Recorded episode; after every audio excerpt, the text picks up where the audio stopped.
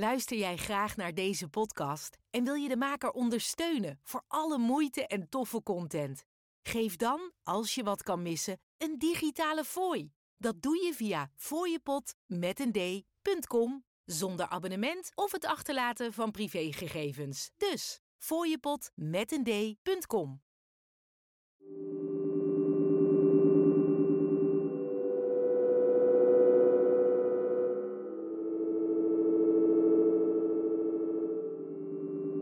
Welkom bij deze eerste aflevering van de Geef mij de Ruimte podcast.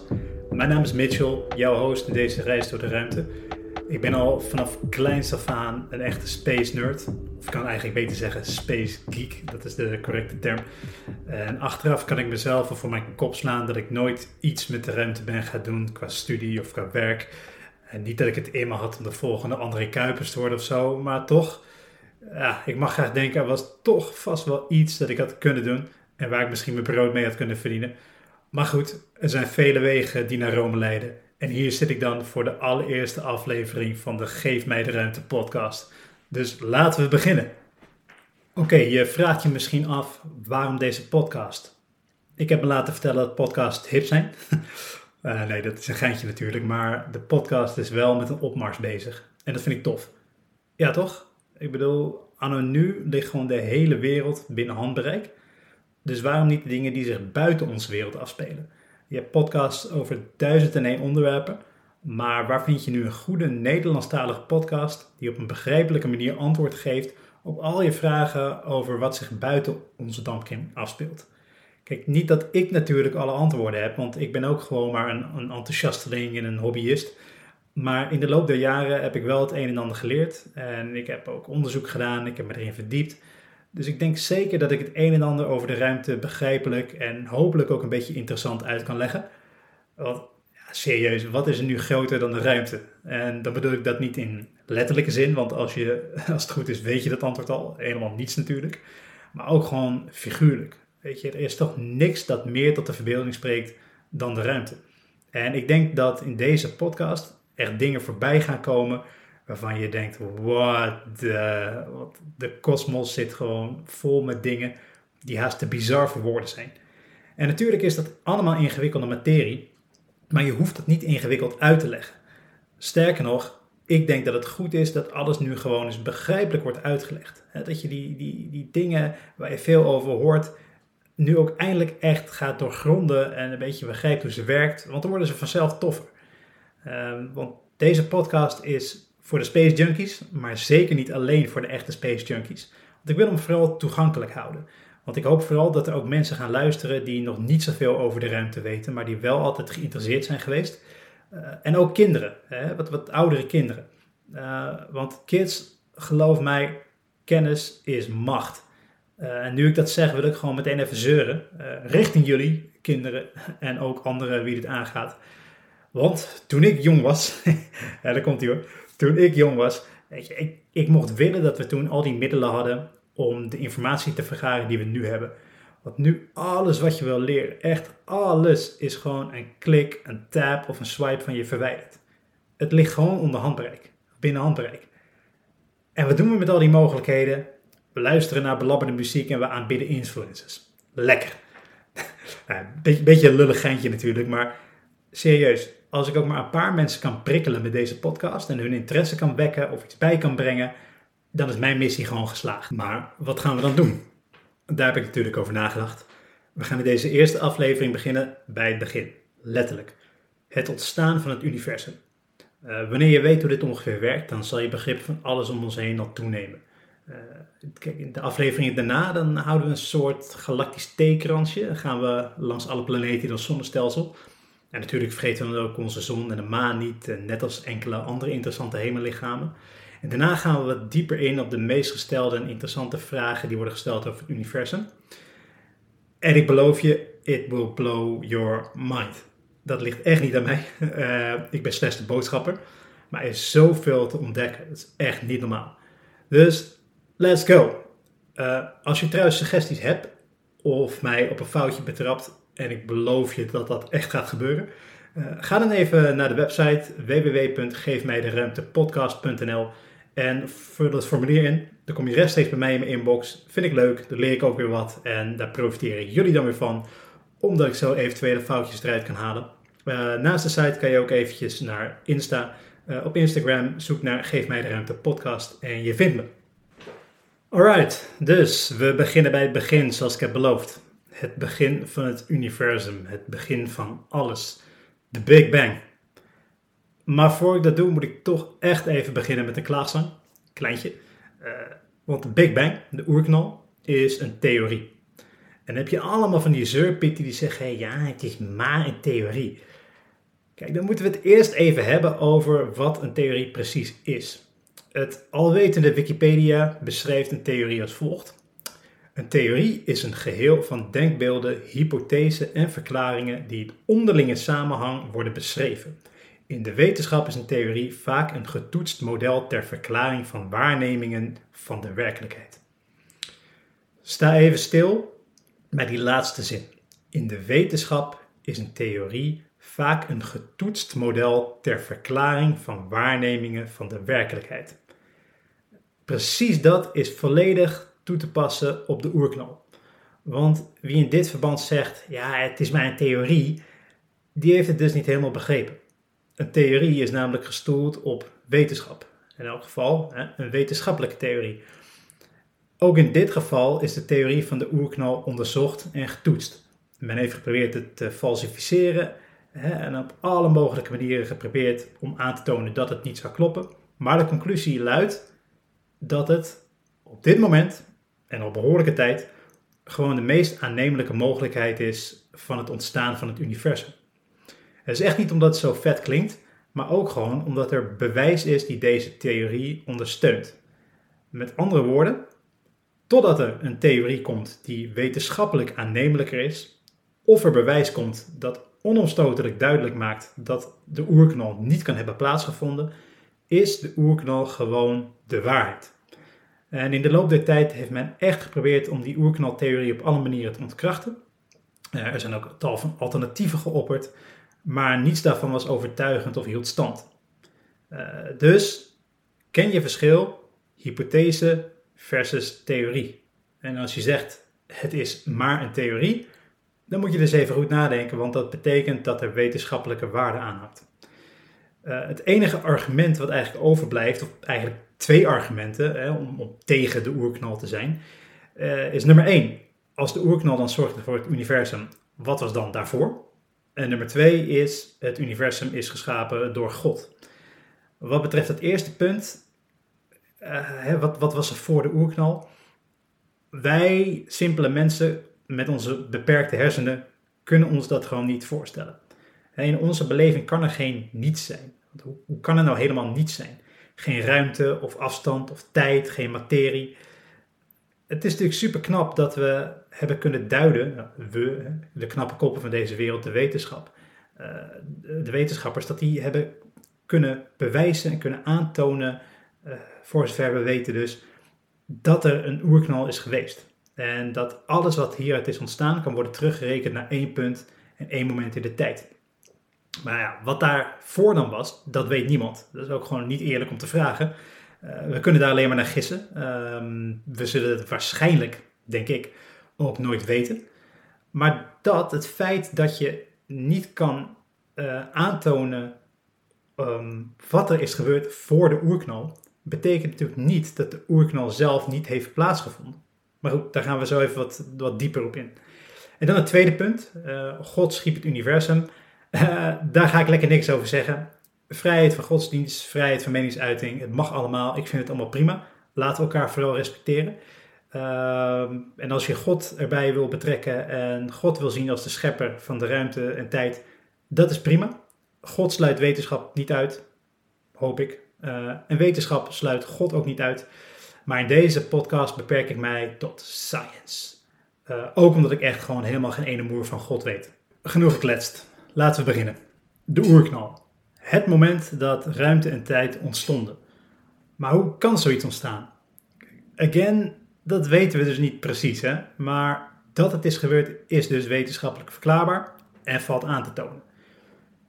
Geen ruimte en tijd voor de oerknal. Dat klinkt bizar En dat is het natuurlijk ook, want ja, niets is in dat geval ook echt niets.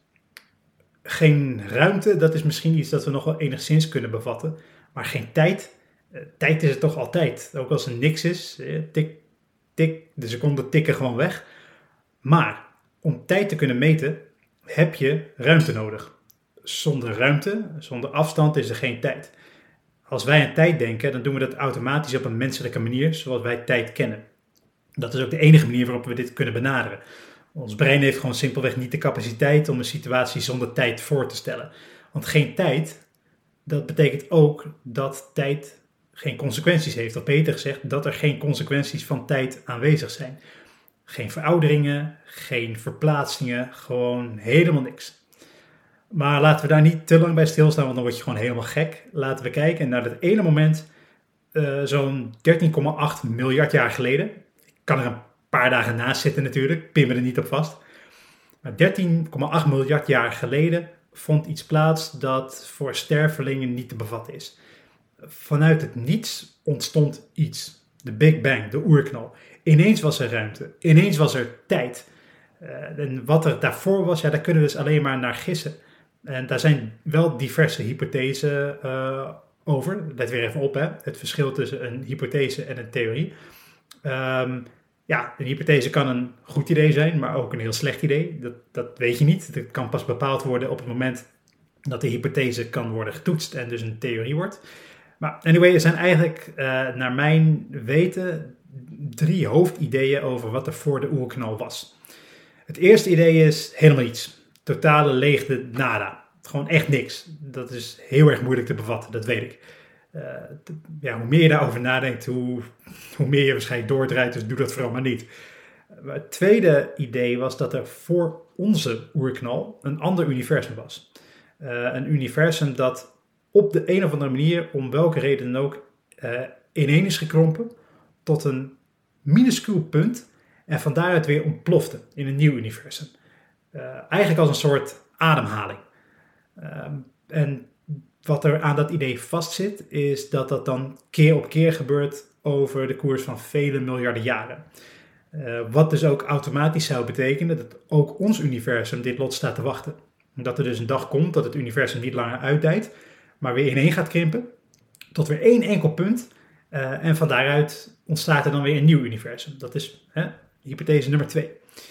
Hypothese nummer drie, en dit is een populaire, uh, omdat ja, dit misschien nog het best voor te stellen is. En het is in elk geval denk ik de, de coolste.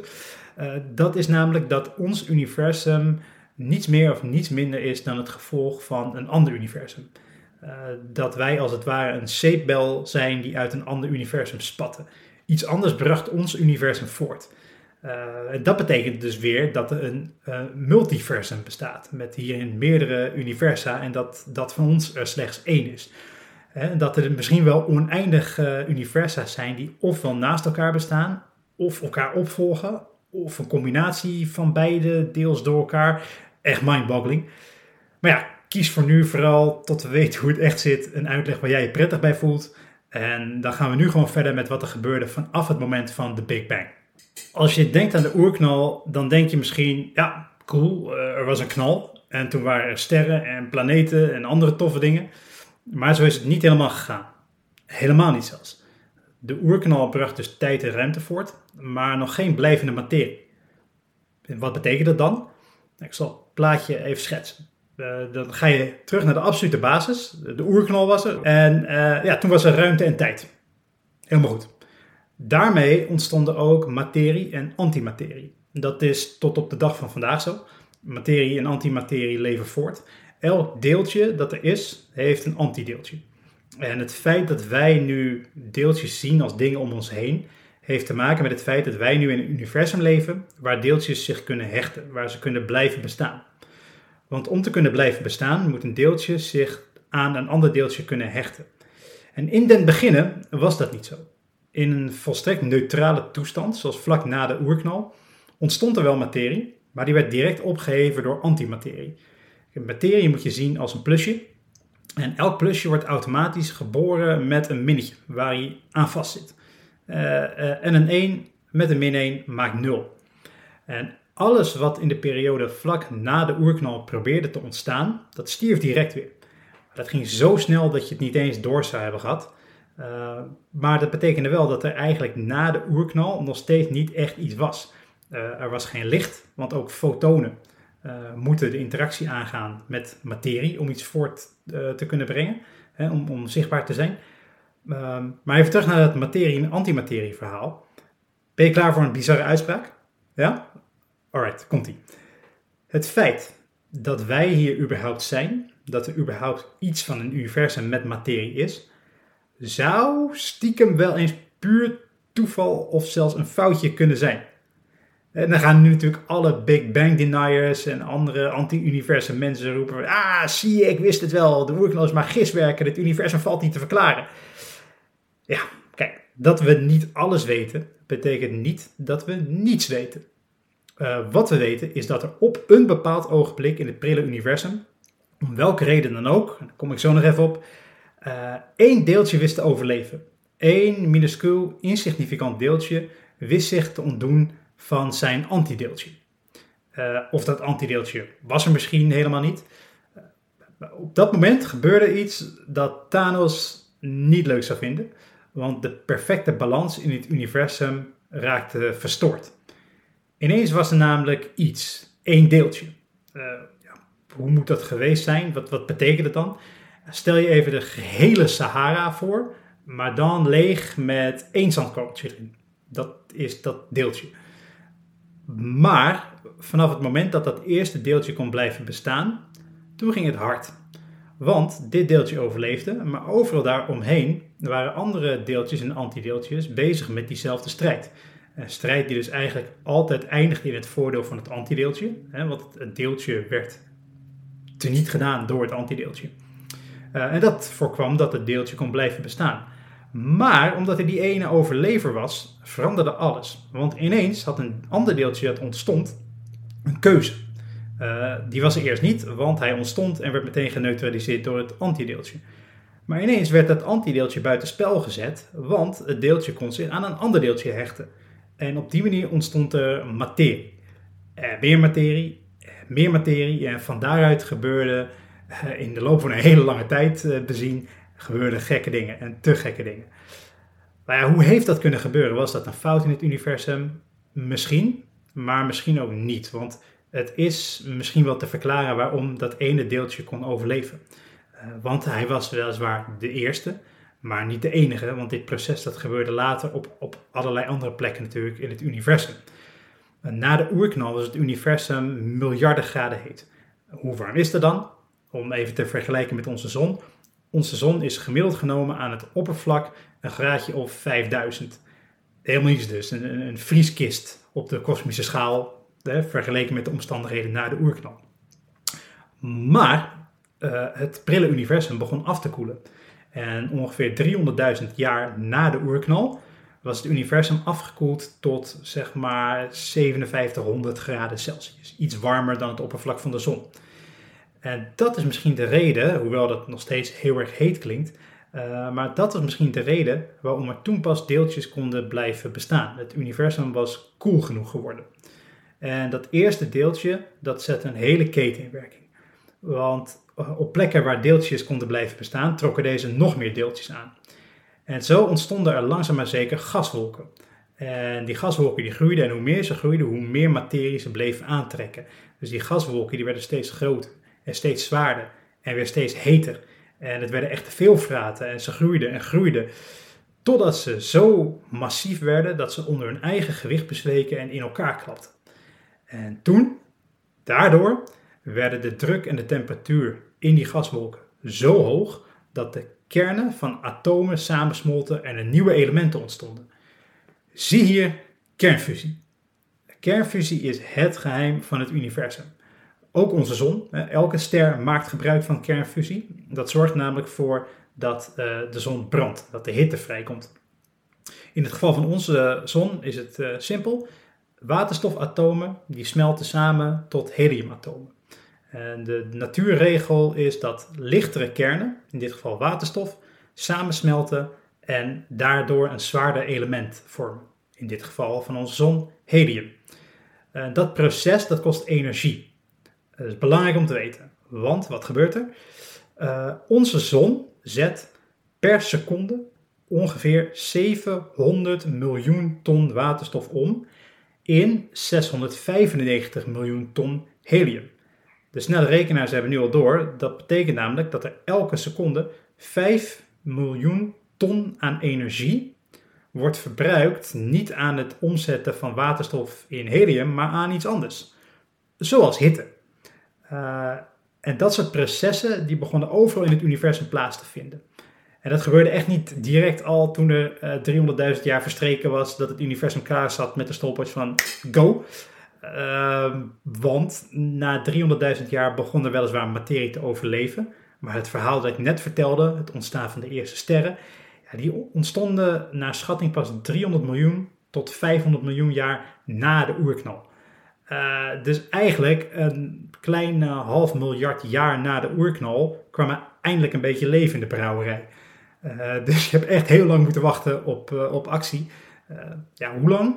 Laten we uitgaan van de meest optimistische schatting die zegt dat ongeveer 300 miljoen jaar na de oerknal de eerste sterren ontstonden. Hoe lang is 300 miljoen jaar op een aardse schaal? Nou ja, zie het zo. Stel dat je nu op aarde 300 miljoen jaar terug zou gaan in de tijd dan zou het nog 75 miljoen jaar duren voordat de eerste dinosaurussen hier op de aardkloot gingen rondlopen. Maar goed, sterren dus. Die kwamen er uiteindelijk. Waren die er niet gekomen, dan waren wij ook nooit geweest. Sterren zijn namelijk verantwoordelijk voor de kraamkamers waaruit uiteindelijk alle dingen, zoals planeten, zijn geboren. En nog steeds worden geboren. Hoe zit dat precies? Dankzij kernfusie konden klompen materie ontbranden. Dat werden dus sterren. Die ontstonden op die manier. Sterren, en zeker jonge sterren, zijn behoorlijk onstuimig. Want ze stoten materie uit en uiteindelijk exploderen ze vaak. Gelukkig niet allemaal. Uh, althans niet snel. De meeste sterren, daar zullen we later nog op komen in een andere uh, aflevering van deze podcast. Maar de meeste sterren exploderen uiteindelijk. Maar dat kan vele miljoenen tot zelfs wel miljarden jaren duren. Dus onze eigen zon bijvoorbeeld, die houdt het al zo'n 5 miljard jaar uit en die gaat ook nog wel een tijdje door. Maar tijdens zijn leven slingert de ster allerlei materie de ruimte in. En die materie die gaat weer samenklonteren. En zo ontstonden na de eerste sterren ook de eerste accretieschijven. Accretieschijven zijn schijven waarin materiaal zoals gas en ruimtepuin zich verzamelt. En die blijven om de ster heen draaien vanwege de zwaartekracht van die ster. Die schijven die zijn er in twee soorten de schijven die vormen rond zwarte gaten, dat is de eerste soort. En die zijn geen heel lang leven beschoren, want die vallen uiteindelijk ten prooi aan het zwarte gat. Maar niet elke ster vormt uiteindelijk een zwart gat. Sommige sterren leven heel lang en de accretieschijven die zich rondom brandende sterren vormen, die worden dan protoplanetaire schijven. En die schijven die bevatten alle ingrediënten om planeten te kunnen vormen. Er zit heel veel puin in, en dat draait allemaal om de ster heen en dat puin dat botst op elkaar. Maar op sommige plekken waar de dichtheid van het puin groot genoeg is, daar klont het samen. Dus daar ontstaat een groter stuk puin. En zodra dat proces begint, wint dit puin aan massa en aan zwaartekracht. En zo kunnen deze hemellichamen het voorstadium van een planeet vormen. Ze zijn een planeet in wording. Of ik moet eigenlijk beter zeggen, een potentiële planeet. Want of ze het gaan redden, dat staat nog zeker niet vast op dat punt. Want het gaat namelijk niet makkelijk. Want rondom die, uh, die jonge sterren in het universum, uh, destijds, maar dit gebeurt nog steeds, uh, vormen zich misschien wel tientallen tot soms zelfs honderden aspirant planeten. klompen protoplaneten die heel graag een volwaardige planeet willen worden.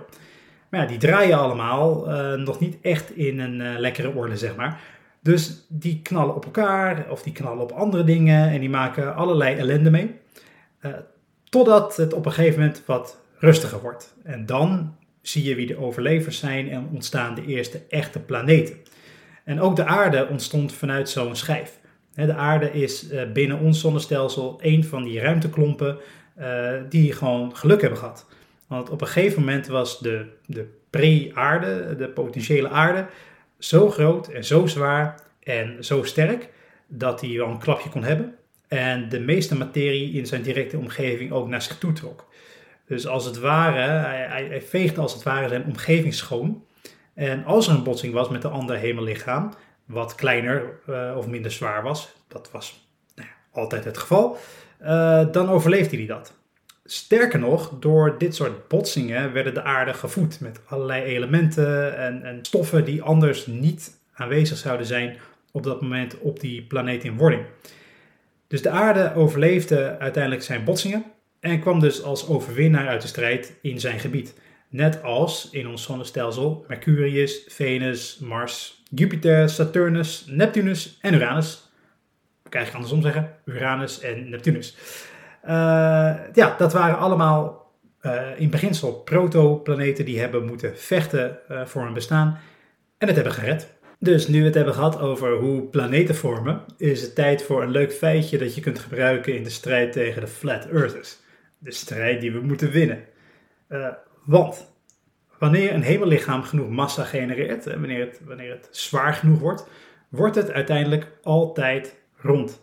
Dat is een natuurwet. Daar kun je niet aan tornen. Dat is zo. Dat gebeurt overal. Waar je ook kijkt in het universum, op welke plek ook, hoe ver dan ook. Dit gebeurt altijd. Zwaartekracht werkt namelijk in alle richtingen. En zwaartekracht wil materie zo efficiënt mogelijk vanuit alle richtingen naar elkaar toe trekken. Uiteindelijk krijg je dan een bolvorm. Altijd. Dat er hemellichamen bestaan die geen bolvorm hebben, dat betekent simpelweg niets meer en niets minder dan dat deze hemellichamen niet zwaar genoeg waren en onvoldoende zwaartekracht was om die bolvorm te kunnen krijgen. Maar eigenlijk alles, nou niet eigenlijk, gewoon alles ter grootte van een kleine maan en groter wordt bolvormig. Daar is geen ontkomen aan. Goed, weer terug naar de hoofdlijn. Uh, zo ontstonden dus ruimte, tijd, sterren, planeten en al het andere dat wij in ons universum vinden. Want de protoplaneten die uiteindelijk niet redden, uh, het was niet zo dat uh, die verdwenen en dat hun rol was uitgespeeld. Nee, die werden verstoten. Dus die werden ofwel hun sterrenstelsel uitgeslingerd door de zwaartekracht uh, of door een botsing. Of ze knalden uit elkaar bij botsingen, waardoor fragmenten hiervan overal verspreid werden. En daardoor werden er dus ook andere hemellichamen door het heelal verspreid. Dat zorgde overigens voor best wel wat problemen, want de planeten die er vandaag de dag zijn, uh, inclusief de aarde, die hebben echt wel in heel erg veel gevallen moeten knokken voor een bestaan. Uh, waarschijnlijk voor elke planeet die er is, is er ook minimaal één planeet die er niet gekomen is. Uh, misschien nog wel meer. Want waarschijnlijk waren er bij de vorming van ons zonnestelsel meer planeten of andere planeten dan die er nu zijn. Denk bijvoorbeeld aan de mythische planeet Theia. Ik weet niet of je daar wel eens van hebt gehoord, maar uh, Theia is dus een hypothetische planeet. Een planeet waarvan het bestaan uh, ooit wordt vermoed. Deze zou ongeveer de grootte van Mars hebben gehad. En uh, die zou gebotst zijn met onze aarde. Nou, het verhaal is dan dat de aarde hè, weliswaar schade daardoor opliep, maar daarvan is hersteld. Maar dat Theia deze botsing niet heeft overleefd. Wat maakt het interessant? Nou, de hypothese is dat uh, uit de brokstukken van Theia, door de aanvaring met de aarde, onze maan werd geboren. En is dat dan slechts een, een, hypothese of uh, een, een, een, mooi verhaal? Of is het meer? Nou, je, je mag het gerust zien als een theorie. Daar is serieus onderzoek naar gedaan. Uh, uh, er zijn ook bewijzen die, nou, laat ik het anders zeggen, er zijn bevindingen die zouden kunnen bewijzen dat Theia ooit heeft bestaan en dat onze maan zo is gevormd zoals uitgelegd. Uh, eentje die, voor, eh, dat, dat is wel een theorie zou dat zijn, uh, die vooralsnog moeilijk te bewijzen valt. Maar hij kan ook niet zomaar aan de kant worden geschoven. Want eigenlijk is dit de meest logische verklaring van waarom er aards materiaal op de maan te vinden is en vice versa. Dat hoor je goed. op de maan is gesteente dat alleen op, op aarde voorkomt. Wat dus niet van origine op de maan voorkomt. En andersom. Uh, dat kan men vaststellen door te kijken naar isotopen. Dat wordt een heel complex verhaal. Uh, daar komen we in een latere aflevering misschien wel eens ooit naartoe. Maar uh, voor nu volstaat om te weten dat dit het geval is. Hè. De, de, de aarde en de maan hebben als het ware gesteente uitgewisseld. Er zijn hele lagen op de maan aan gesteente die een aardse oorsprong lijken te hebben. Ehm, ja, dus op die manier zou het zomaar kunnen zijn dat de maan inderdaad het resultaat is van een botsing tussen de aarde en een ander hemellichaam dat het niet heeft overleefd, in dit geval Theia. En dat de maan dus elementen van beide planeten bevat. Toch iets moois om over na te denken. En uh, ja, wie weet is dit iets wat op een dag uh, ontkracht of juist bevestigd wordt. Alright, dan zijn we aangekomen bij het laatste deel van deze eerste aflevering van Geef mij de ruimte podcast. Uh, we gaan elke aflevering afsluiten met een rubriekje genaamd Snelle vragen, snelle antwoorden. Uh, hierin ga ik nog even in op enkele vragen die je misschien hebt na het horen van wat er in de aflevering verteld is. Maar weet je, wie ben ik om te bepalen wat jouw vragen zijn? Heb je namelijk een andere vraag? Wil je dat ik uh, in een volgende podcast nog ergens dieper op inga? Of heb je zitten luisteren en denk je, Mees, je vertelt onzin? Laat het me weten. Uh, vul even het formulier op geefmijderuimtepodcast.nl in. Of check Instagram op geefmijderuimtepodcast. Uh, ja, en, en, en laat van je horen. Ik ben ook maar een mens, een, een hobbyist. En voor mij is dit in veel opzichten ook één grote ontdekkingstocht. Maar goed, vraag 1, nog even over die oerknal. Want hoe weten we nu dat alles vanuit hetzelfde punt in de ruimte is gekomen? Hè? Dat alles vanuit de oerknal ontstaan is. Dat weten we dankzij kosmische achtergrondstraling. Uh, met onze beperkte ogen kunnen we alleen maar voor ons zichtbaar licht waarnemen. Dat vertelt ons lang niet alles. Gelukkig zijn er instrumenten waarmee je ook andere vormen van licht en straling kunt zien. En het mooie is, straling beweegt, het universum beweegt. We kunnen ook zien welke kant het op beweegt. En dan komt er iets om de hoek kijken dat heet roodverschuiving of de term redshift in het Engels, die heb je misschien vaker gehoord. Hoe dit precies werkt, kan ik het beste uitleggen aan de hand van uh, geluid, want daarin treedt eenzelfde soort iets op. En dat kunnen we wel waarnemen, gewoon met onze oren. Stel je voor dat je op, uh, op een lange weg staat, in het midden van een lange weg, en in de verte hoor je een auto. Je hoort die auto niet alleen, je hoort ook of die auto naar je toe rijdt of juist van je af beweegt. Licht en straling die vertonen dit gedrag ook. Daar, daar kun je het ook waarnemen. En de term roodverschuiving verwijst naar de kleurtemperatuur van straling. Licht of straling dat naar je toe beweegt, dat wordt roder van kleur. En wanneer het van je af beweegt, wordt het blauwer. Uh, dan moet je niet uh, dus denken in zichtbaar licht. Hè. Het is niet dat dan uh, een auto die hard op je afkomt automatisch rood wordt. Nee, het, het, speelt zich af in het buiten voor ons blote oog zichtbare spectrum. En hoe dit komt is omdat licht dat naar je toe beweegt, krijgt een langere golflengte. En licht dat van je af beweegt, een kortere. En zo verschuift de kleur dus naar rood of naar blauw. En door bronnen te observeren, en kosmische achtergrondstraling is een van die bronnen, kun je zien in welke richting straling beweegt. En omdat licht altijd een rechte lijn volgt, tenzij het wordt afgebogen door extreme zwaartekracht, zoals aan de rand van een zwart gat, kun je zien waar het naartoe gaat. Uh, en je kunt daardoor ook zien waar het vandaan is gekomen. En door het terug te rekenen kun je niet anders concluderen dan dat alle overgebleven straling naar de oerknal afkomstig is vanuit hetzelfde punt hoe weten we dan hoe oud het universum is? Dat is niet simpel, maar het is wel heel simpel uit te leggen. Licht reist namelijk met de snelheid van het licht. We weten wat die snelheid is. Nou, neem het verst waarneembare licht in het universum. Uh, reken dit terug naar de oorsprong met de snelheid van het licht en je komt uit op het eerste licht dat ongeveer 13,8 miljard jaar geleden uh, het levenslicht zag. Uh, dat kan dus dankzij, die berekening kan dus dankzij een combinatie van die roodverschuiving plus onze kennis van de snelheid waarmee licht zich voortbeweegt. Nou, ga je hier wat dieper op in, dan zal je zien dat het echt ongelooflijk complex is en dat we zomaar een paar miljoen jaar of een paar honderd miljoen jaar naast zouden kunnen zitten. Uh, maar 13,8 miljard jaar als, als datum, als moment van het ontstaan van ons universum is de consensus. En de derde vraag, eh, die is leuk, dit is toch wel mijn favoriet denk ik, het is best een bizarre. Wat bevindt zich buiten de grenzen van ons universum? Even dus de recap, er was een Big Bang, die creëerde ruimte en tijd en daarin ontstonden allemaal mooie dingen. Met die Big Bang ontstonden ruimte en tijd. En dus ook snelheid, de snelheid van het licht. Hier wordt het interessant, let op. Want hoewel de snelheid van het licht de hoogste snelheid is die wij kennen, is er misschien nog iets anders. Want met de Big Bang ontstonden niet alleen ruimte en tijd.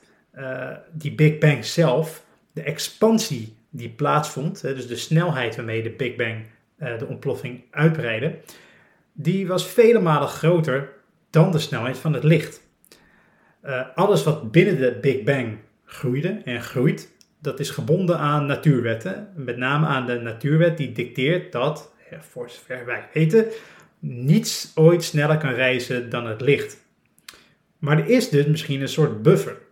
Want de tijd en ruimte die werden geschapen door de Big Bang, die lopen achter op de Big Bang zelf.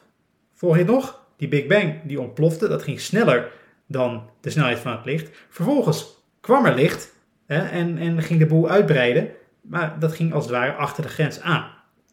Dit is echt next level mindblowing. Ik snap er zelf ook geen snars van, behalve hè, dat het zo zou kunnen werken.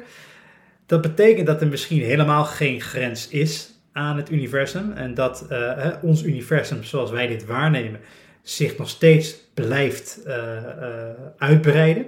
Um, ja, en in die zin hobbelt het universum dan met een slakkengang van het licht achter een eventuele grens aan, die zich misschien nog steeds aan het uitbreiden is. Maar misschien is er al wel een grens en begint daar een ander universum. Wie zal het zeggen? Voorlopig nog niemand. Ik helemaal niet.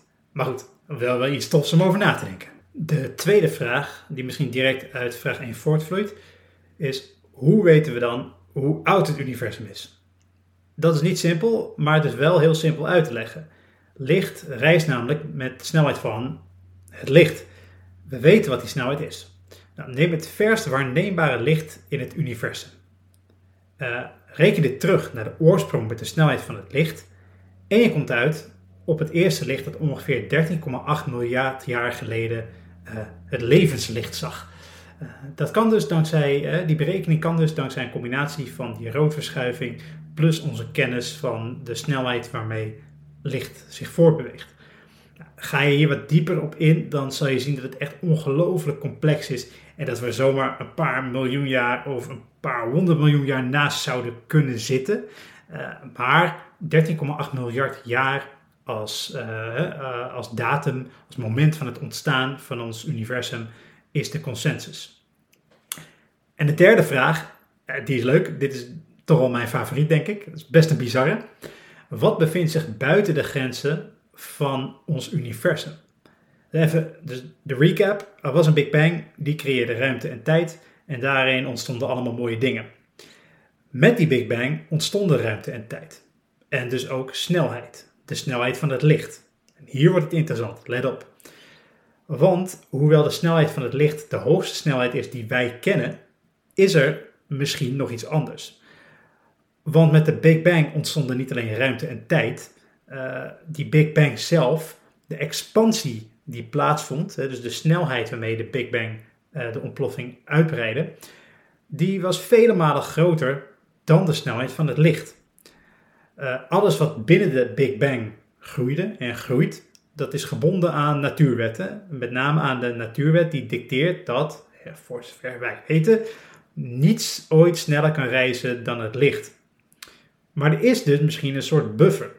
Want de tijd en ruimte die werden geschapen door de Big Bang, die lopen achter op de Big Bang zelf.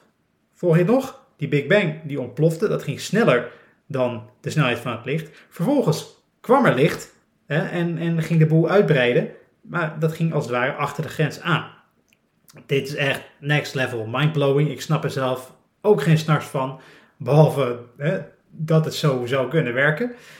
Dat betekent dat er misschien helemaal geen grens is aan het universum. En dat uh, ons universum zoals wij dit waarnemen zich nog steeds blijft uh, uh, uitbreiden. Um, ja, en in die zin hobbelt het universum dan met een slakkengang van het licht achter een eventuele grens aan, die zich misschien nog steeds aan het uitbreiden is. Maar misschien is er al wel een grens en begint daar een ander universum. Wie zal het zeggen? Voorlopig nog niemand. Ik helemaal niet. Maar goed, wel wel iets tofs om over na te denken. Oké, dat was hem. De eerste Geef mij de ruimte podcast ooit. Ik vond het te gek om te doen. Uh, hopelijk jij ook Dus uh, niet om te doen, maar om te luisteren dan. Dus weet je wat, we gaan gewoon door met nieuwe afleveringen. In de komende aflevering nemen we ons zonnestelsel onder de loep. We vliegen als het ware ons zonnestelsel binnen. En ik neem je mee langs de planeten die we tegenkomen voordat we bij de zon uitkomen. En de eerste planeet die we tegen gaan komen is. Nee, niet Pluto. Pluto was lange tijd de buitenste planeet van ons zonnestelsel, maar helaas, helaas, Pluto is zijn status van planeet kwijt en gaat al enige tijd door het leven als dwergplaneet. Dat maakt Pluto overigens niet minder interessant, maar hoe dat zit, dat komt later. In de volgende aflevering gaan we het hebben over die mysterieuze blauwe ijsbal Neptunus. Uh, en we gaan natuurlijk niet uh, planeet na planeet na planeet doen. Dat wordt uh, saai en voorspelbaar. Dus tussendoor komen allerlei andere toffe afleveringen. Hopelijk. Dus hopelijk blijf je luisteren. het was mij genoegen. En ja, ik zie je graag weer terug bij Geef mij de ruimte podcast. Laat van je horen als je opmerkingen of vragen of wat dan ook hebt. www.geefmijderuimtepodcast.nl of check Instagram at Geef mij de. Dankjewel voor het luisteren. Tot de volgende keer. Luister je graag naar deze podcast? Laat de maker weten dat je waardeert wat hij of zij doet en geef een digitale fooi. Dat kan zonder abonnement, snel en simpel via fooiepot.com. Fooiepot met een d.com